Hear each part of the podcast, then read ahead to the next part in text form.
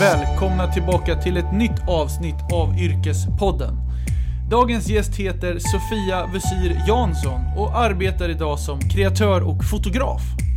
Hon driver sin egna blogg vid namnet Mockasin där hon skriver och fotograferar om inredning. Sofia har idag drygt 80 000 följare på sin Instagram och fortsätter jobba aktivt på sociala medier. Vi pratar om hennes yrkesresa från gymnasiet till idag, hur en vardag ser ut, vad använder hon för redigeringsverktyg för sina bilder? Sedan ger hon grymma tips till hur man får igång följare på Instagram.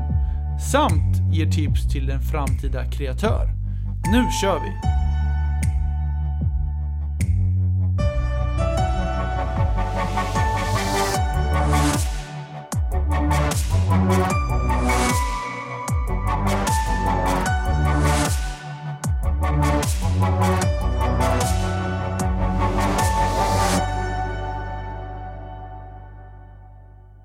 Men välkommen eh, till Yrkespodden Sofia. Tack så jättemycket. Hur är läget? Det är bra tack. Härligt. Du, om vi börjar lite så här då. Vad, vad händer i ditt liv just nu? Ja, just nu, eh, tänker du jobb eller överlag? Jobb och privat. Ja. Nej men jag kommer precis från en lunch på, med en tjej som jobbar på Konserthuset här i Örebro faktiskt, som jag har samarbetat med några gånger. Eh, så det var väldigt trevligt och eh, jobbmässigt så eh, har jag lite olika projekt framför mig. Bland annat så handlar det lite om en bok som kom ut i höstas, men också andra projekt som jag kanske håller lite hemligt än så länge. En restaurang i och för sig i Katrineholm som ska inredas, det är inte så hemligt. Det är Mm. kul. Mm. Spännande.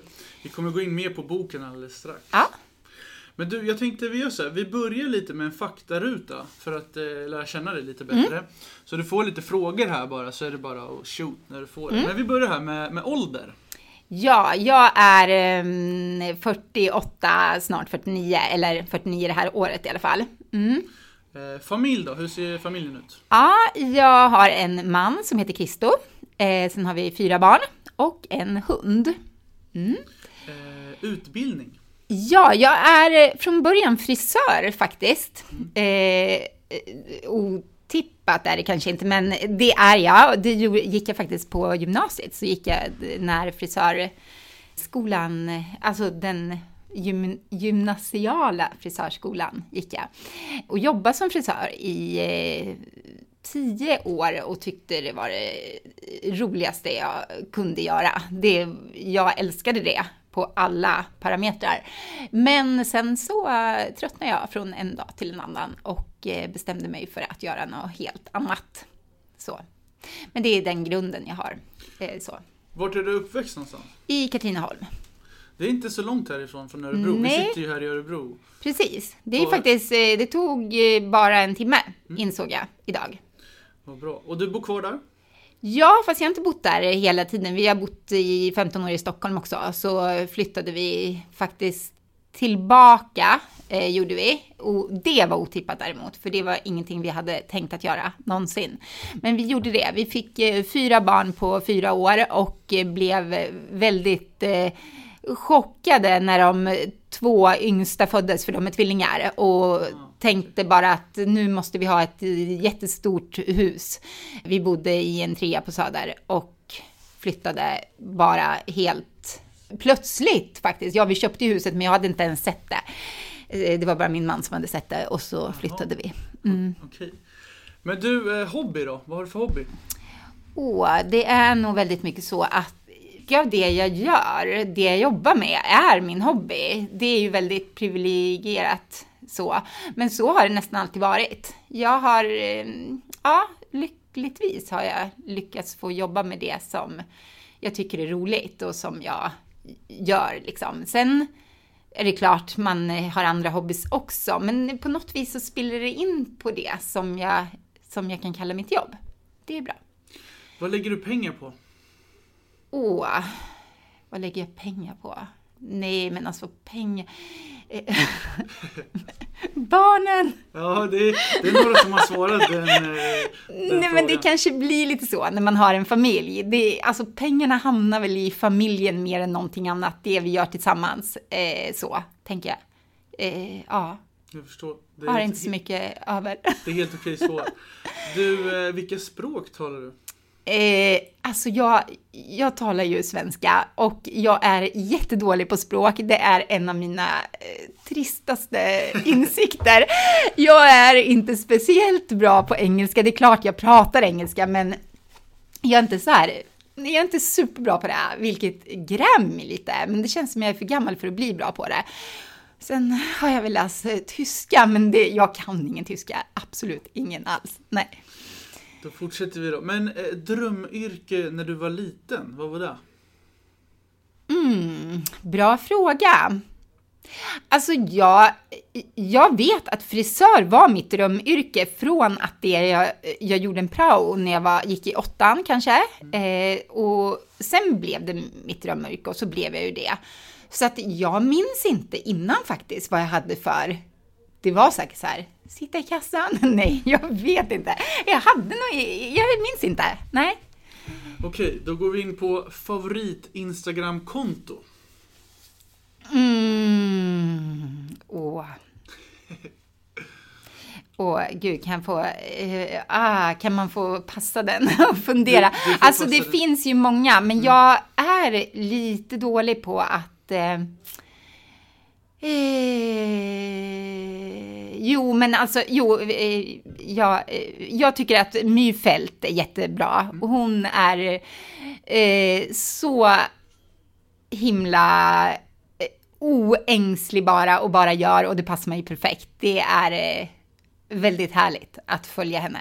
Så. Jag ska kika in det. Ja, det är inte, hon gör, har väldigt mycket saker för sig, men driver bland annat ett eh, bageri i Halmstad. Men det handlar, hon skriver snart, släpper hon en ny bok och så vidare. Hon har gjort tv och så, men hela hennes personlighet är väldigt eh, befriande att följa, för det kan bli väldigt tillrättalagt i digitala kanaler. Härligt.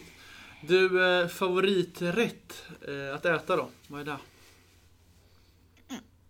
Åh, alltså jag kan inte säga en rätt. Jag är ju vegetarian sedan jättemånga år tillbaka, så att eh, jag... Eh, Något vegetariskt. ja, men det är det ändå.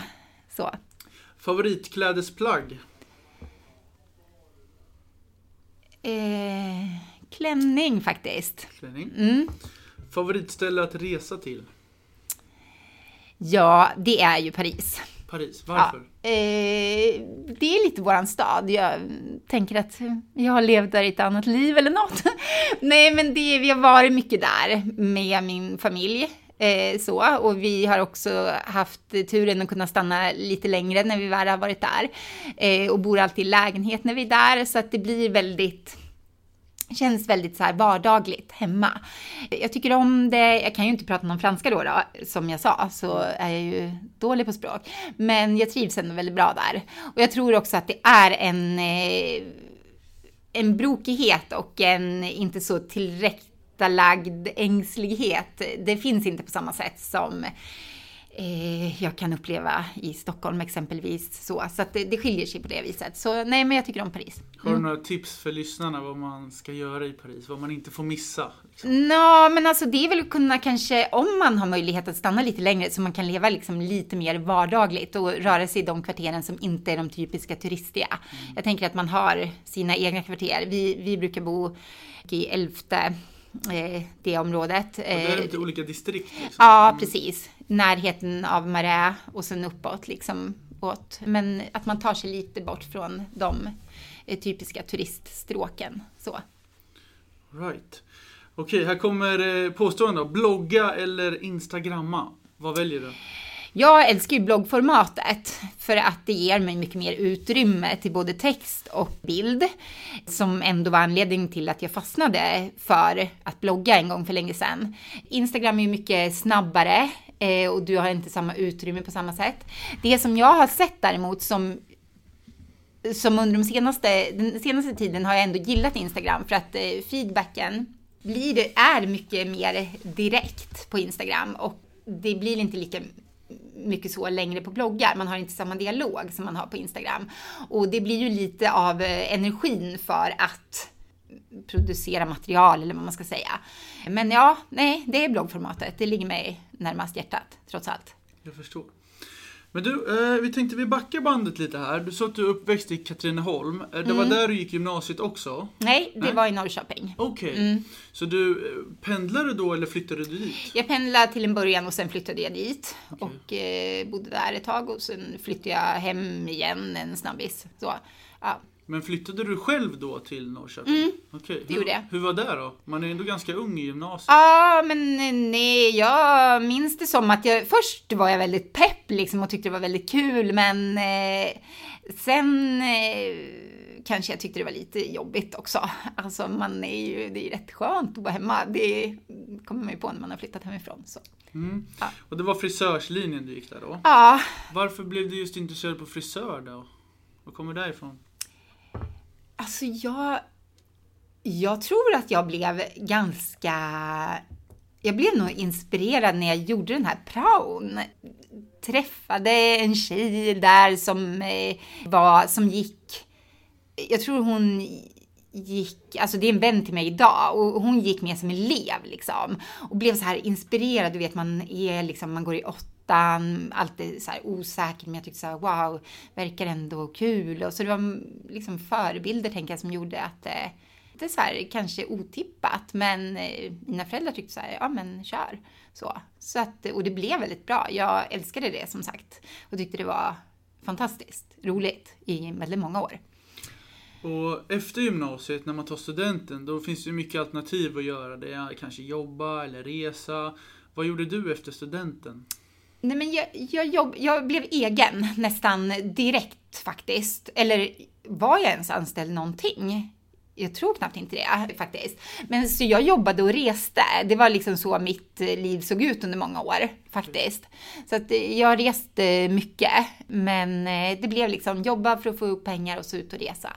Och då hade man ju liksom inte flyg, eh, alltså dag så försöker vi resa på annat sätt än att flyga, men då var det inte samma sätt. Fast jag tog faktiskt tåget till, till eh, Kina. Mm. Det Oj, gjorde jag. Mm. häftigt. Bra. Men du, eh, var det just, eh, var det bara frisör då som du jobbade som? Eller det Ja, någonting annat? nej, jag jobbar bara som frisör. Men jag jobbade väldigt mycket. Det var ju liksom innan jag hade liksom familj och barn och eh, man kunde, jag kunde jobba igen för det var det roligaste jag visste liksom. Så att jag jobbade, jobbade jättemycket fast tyckte bara det var roligt. Men du, det här med, med blogg. Mm. Eh, när började det egentligen? Ja, det är ju lång tid efter det där, Okej. är det faktiskt. För att göra en väldigt lång historia kort, så som sagt så flyttade ju vi då tillbaks till Katrineholm från att ha bott i Stockholm. Och vi hade fyra små barn och eh, jag startade en butik i Katrineholm som från början var en form av en barn eh, butik. Det var saker för barn. Och då var min tanke först att jag startar en blogg för att eh, mer en butiksblogg var ändå tanken.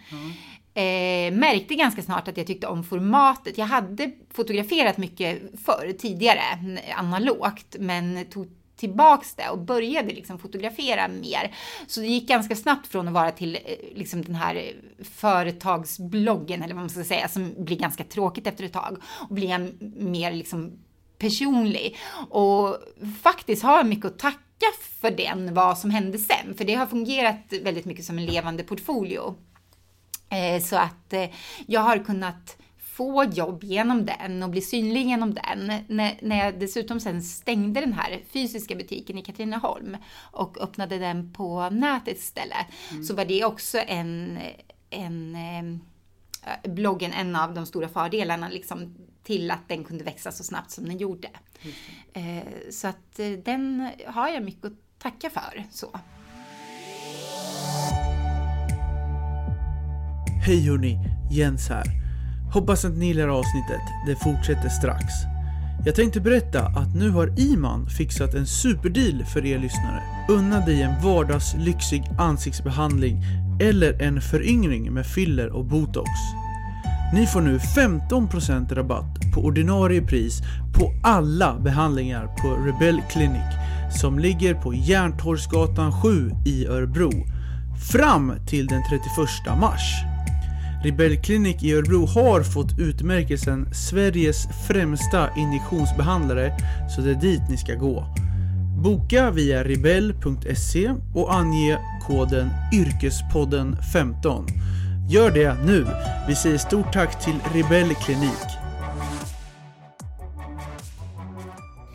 Jag har ju kikat lite på din Instagram och din blogg och jag tycker du tar väldigt fina bilder.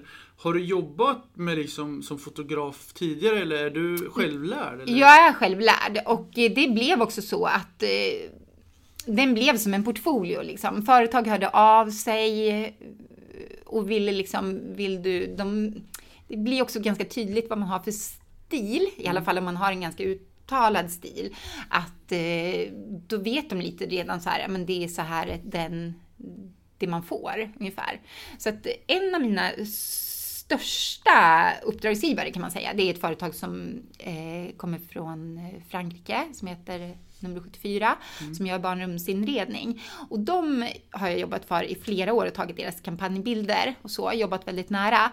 Eh, och det var verkligen en sån sak att de hittade mig via bloggen liksom och såg vilka bilder och så hörde de av sig och så rullade det igång på det sättet. Så att jag har, och även i andra jobb jag har gjort så har den hela tiden funkat som ett sätt att nå ut och för mig har det funkat väldigt bra. Så. Men hur länge har du bloggat nu då? Kommer du ihåg liksom när du startade? Ja men alltså jag tänker att, alltså jag tror att det är tio år, men inte riktigt kanske den formen som det ändå blev. Och sen har det varit turer, liksom jag har legat på portaler och andra liksom mediahus och så för att sen gå tillbaka och blogga själv. Sen beror det lite på också, det har varit tider när jag varit mer aktiv och liksom kunnat använda den mer som en jobbdel och sen i vissa delar har den varit mer liksom bara varit där. Så att ja, den har antagit lite olika former under de här tio åren. Jag förstår. Men har du, eh, har du egen blogg idag eller är du på någon plattform? Nej, jag är inte på någon, jag har det på egen plattform. Okej. Mm. Men eh, hur, hur många läsare och så unika läsare har du liksom på Ja, det är ju en jätte... Jag kan inte svara på det. För att under, ner, eller? ja, under senaste tiden så, jag är väldigt jag har väldigt dålig koll statistiskt sett, jätte. Och det har inte varit en av mina drivkrafter. Jag tror inte att jag skulle... Jag, det, jag har det bara inte i mig att jag tittar på det sättet. Eh, därför är det förvånansvärt att den liksom har vuxit och Instagram, ibland så fattar jag inte liksom vad de följarna kommer ifrån, för jag har inte jobbat aktivt för det. Eh, utan bara, ja, det är bara så det har blivit. Men eh, ja, just nu så bloggar jag och instagrammar väldigt efter tid och lust. Det är inte så att jag behöver följa något mönster eh, för vare sig gentemot någon annan då som förväntar sig det eller för mig själv. Så.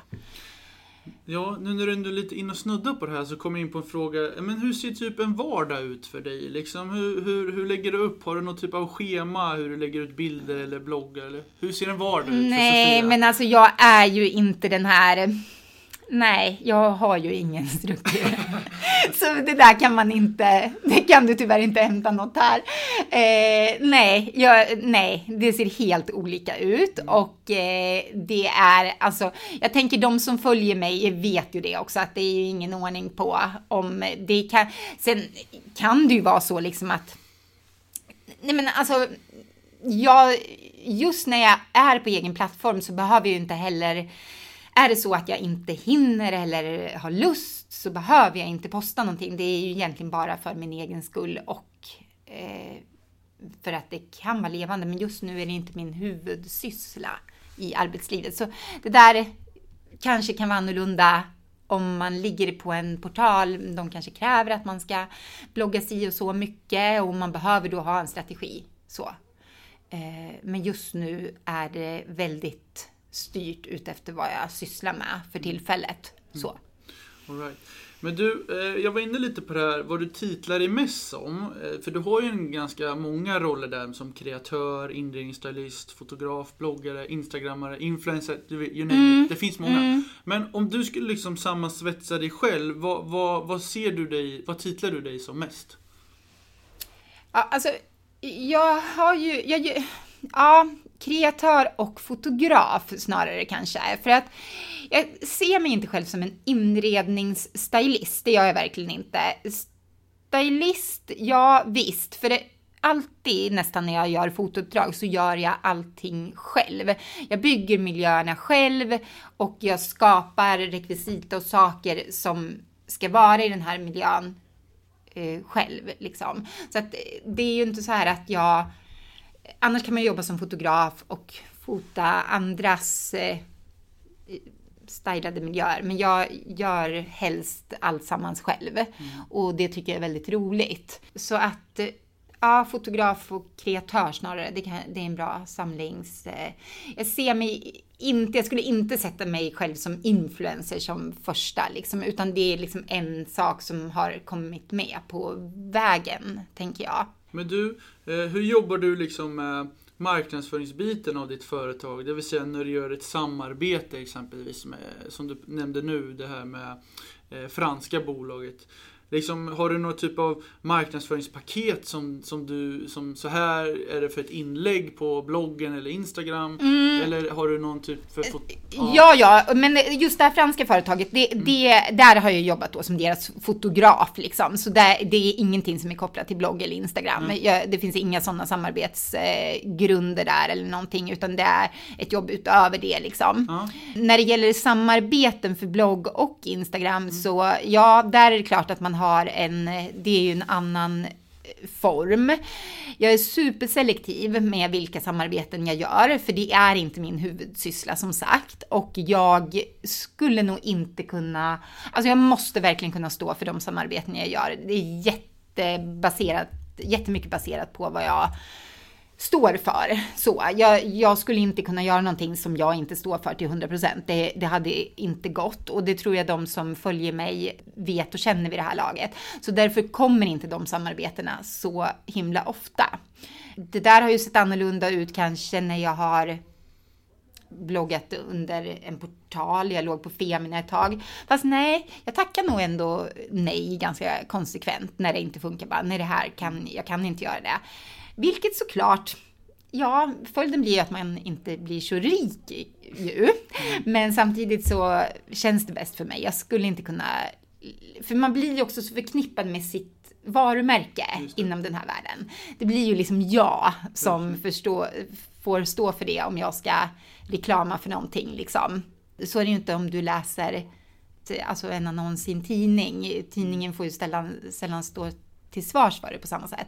Men som en influencer så blir det ju ditt varumärke. Och det är ju såklart på gott och ont. Så. Samtidigt är det ju många liksom som det där är ju min personliga, och jag lägger absolut ingen värdering, man själv gör exakt som man vill. Men själv måste jag tänka så för att kunna så. För samtidigt är det ju också så, man gör ju ett jätte, man gör ju ett jätte jättejobb eh, genom att inspirera andra på olika plan, vad man nu väljer för väg att gå på. Och det är ju, det är ju därifrån man får sin lön. Så att egentligen borde man ju inte bli så ifrågasatt. Det är ju fel tycker jag, att man blir det faktiskt. Men det du, borde kunna vara som att sätta en annons på ja. sitt konto. Men du, om, alla om lyssnarna tänker så här nu, men hur, hur, hur gör du ett samarbete? Om du går in på typ ett exempelvis, om du mm. verkligen hittar någon som, det här är jag, jag står för det här. Hur, hur, liksom, hur får du fram ett samarbete då? Hur ser det ut? Jag jobbar ju jättemycket med det. För att det både ska rimma med det content jag vill liksom ska eh, liksom framgå. Jag jobbar ju med bilden, vilket kan innebära supermycket liksom som det gör i en bild. Så att det är ju jättemånga parametrar. Det är ju verkligen inte bara att posta en bild så här på en dish så är man färdig liksom. Eh, så funkar inte jag, utan jag går ju till botten med det till 100% om jag ska göra ett samarbete. Så att det är ju samtidigt så är det ju, och det här det är klart att det finns olika former i branschen. Vissa gör ju inte det. Man bryr sig inte så mycket om vad det är man postar och så vidare. Men väldigt många gör ju det. Och man jobbar stenhårt med de samarbetena man tar sig an. Och som sagt, det ligger hårt jobb och bra jobb bakom. Så att, eh, ja, det är lite orättvist många som ändå får liksom stå till svars för saker som man ändå liksom har jobbat jättemycket med och förmodligen tänkt igenom många gånger om man ska göra samarbetet. Jag förstår. Men du, eh, du sa att du, du la ner din butik där i, i Katrineholm och kör en e-handel nu. Ja, Och den har du fortfarande igång? nej, Nej, okej. nej, det har jag inte heller. Så dina liksom främsta intäktsströmmar, det är liksom blogg, Instagram, boken såklart som vi kommer in på snart. Vad är Ja, det någonting mer som Ja men har? det är väl snarare uppdrag inom olika former. Eh, det är min främsta. Det kan vara liksom fotografjobb, det kan vara olika kreativa uppdrag, skapar ofta rekvisita eh, för andra företag, för teatrar, skapar eh, ja, men, scenografi, alltså delar av scenografier eller vissa hela miljöer som kan vara teatrar eller för andra eh, uppdragsgivare. Så det är väl snarare där min inkomstkälla är just nu. Och det trivs jag med att ha det så. Faktiskt. Ja, Mm. väldigt många så bollar i luften. Det är väl kul som entreprenör liksom. Ja, det är det. Och det är ändå, jag har nog ganska lätt för att säga ja, fast jag kanske inte alltid vet exakt hur jag ska lösa det. Nej. Så. Men eh, det går oftast bra. Ja, jag förstår. Men du, eh, en helt annan fråga då. Men hur hittar du liksom inspiration? Vad liksom får dig att få inspiration i livet? Jag är ändå ganska eh, analog.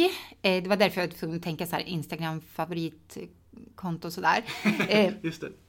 Är inte så där jättemycket. Jag har knappt inte upptäckt typ Pinterest liksom. Men jag hämtar ofta inspiration i sådana saker som kanske känns ganska, ganska otippade för andra. Så.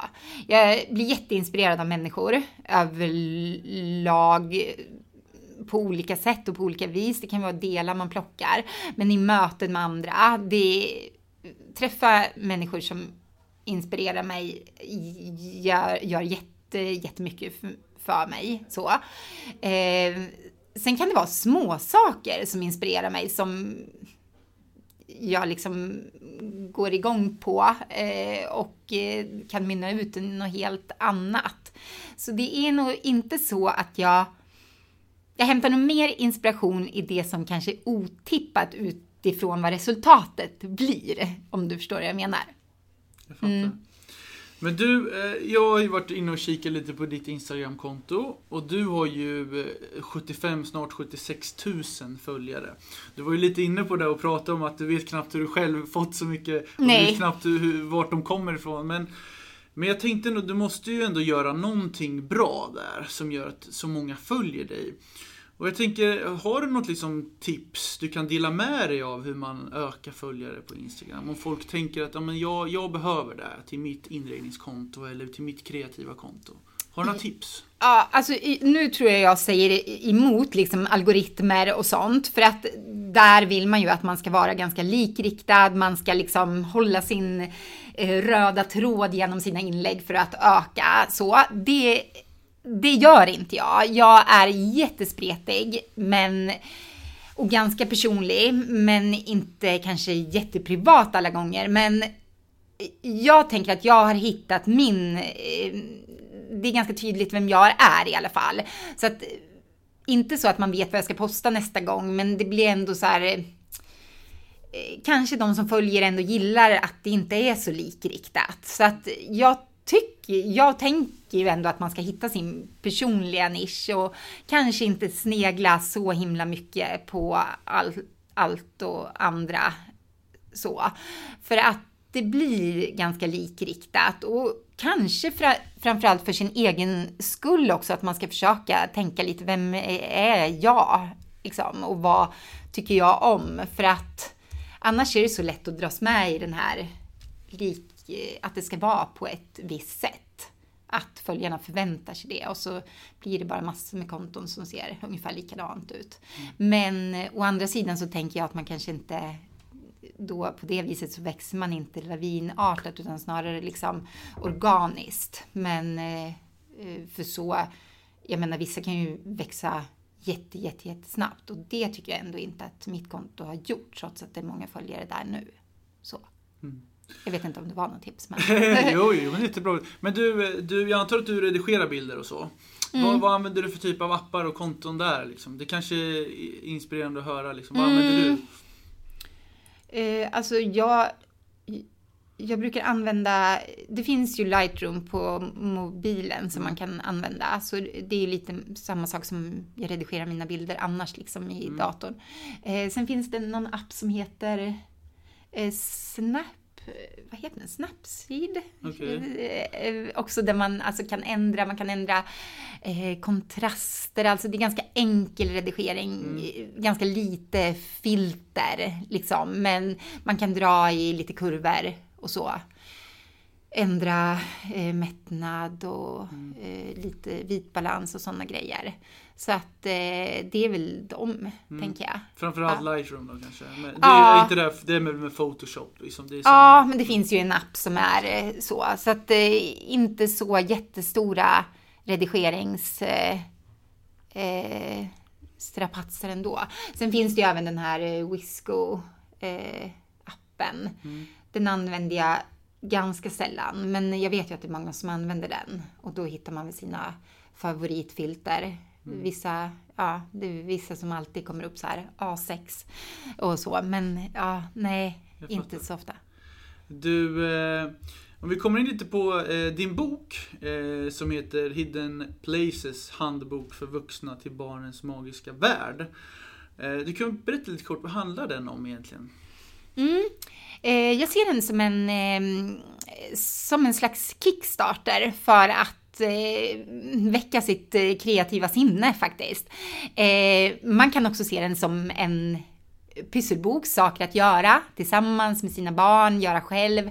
Eh, men ehm, eh, också eh, som, alltså att den är väldigt konkret med fakta och tips, mallar, beskrivningar, men inramad eh, på ett eh, visuellt sätt som jag tycker är väldigt fint ihop med den formen och fotona som är och eh, illustrationerna som ligger i den.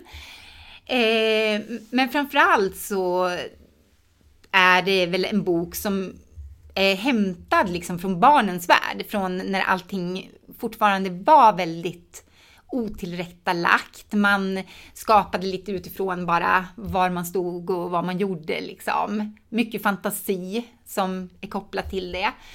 Så på något vis är det liksom så här en produkt som är liksom hämtad ur mina barn och andras barns värld och så är det liksom en ja, kokat ihop det i en bok helt enkelt.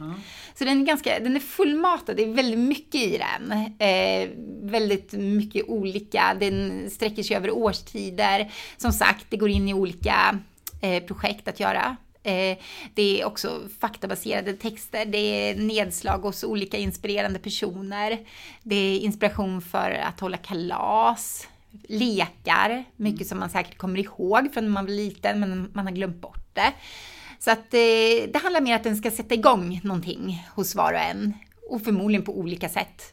Vilket jag också märkt nu under den tiden den har varit ute, när man liksom får eh, feedback från läsare och så. Att folk gör verkligen saker utifrån den och det är superhärligt att se. Det är typ som en present varje gång. Ja, verkligen. Ja. Det måste ge supermycket energi. Liksom. Ja, det är jätteroligt och det är verkligen på alla möjliga vis. Och det är lite så, den är också tänkt att den, det ska inte vara det här liksom, här har du den liksom direkta mallen och så från eh, nummer ett till eh, nummer hundra och så ska det eh, mynna ut i det här. Utan den är väldigt tillåtande på det sättet att det kan faktiskt bli lite vad som helst av det. Eh, och det har, eller det har jag sett också, att man gör sin egen grej. Vi har bland annat ett dockhus i den. Det var en som gjorde ett pepparkakshus efter de mallarna. Alltså det är lite så man kan göra. Eh, så det är härligt. Hur kom du på liksom idén med att ah, men en bok måste jag göra? Eller hur kom det på? Nej, men jag tänker att det har varit, det är ju mycket som man har kunnat sytt ihop av det saker man har gjort under åren. Så att det, och formen på den tänker jag blev lite allt efter arbetets gång också var den hamnade. Liksom. Sen är det ju väldigt lyxigt i och med att jag har tagit alla bilder i boken. Det är också väldigt lyxigt att kunna få göra en sån pass fotobaserad bok där fotona också inspirerar eh, till att eh, skapa eller vad det nu kan vara liksom.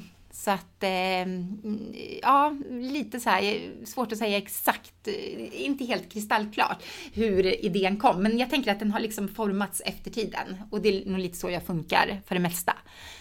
Eh, det är inte säkert att grundtanken var exakt där den slutade som.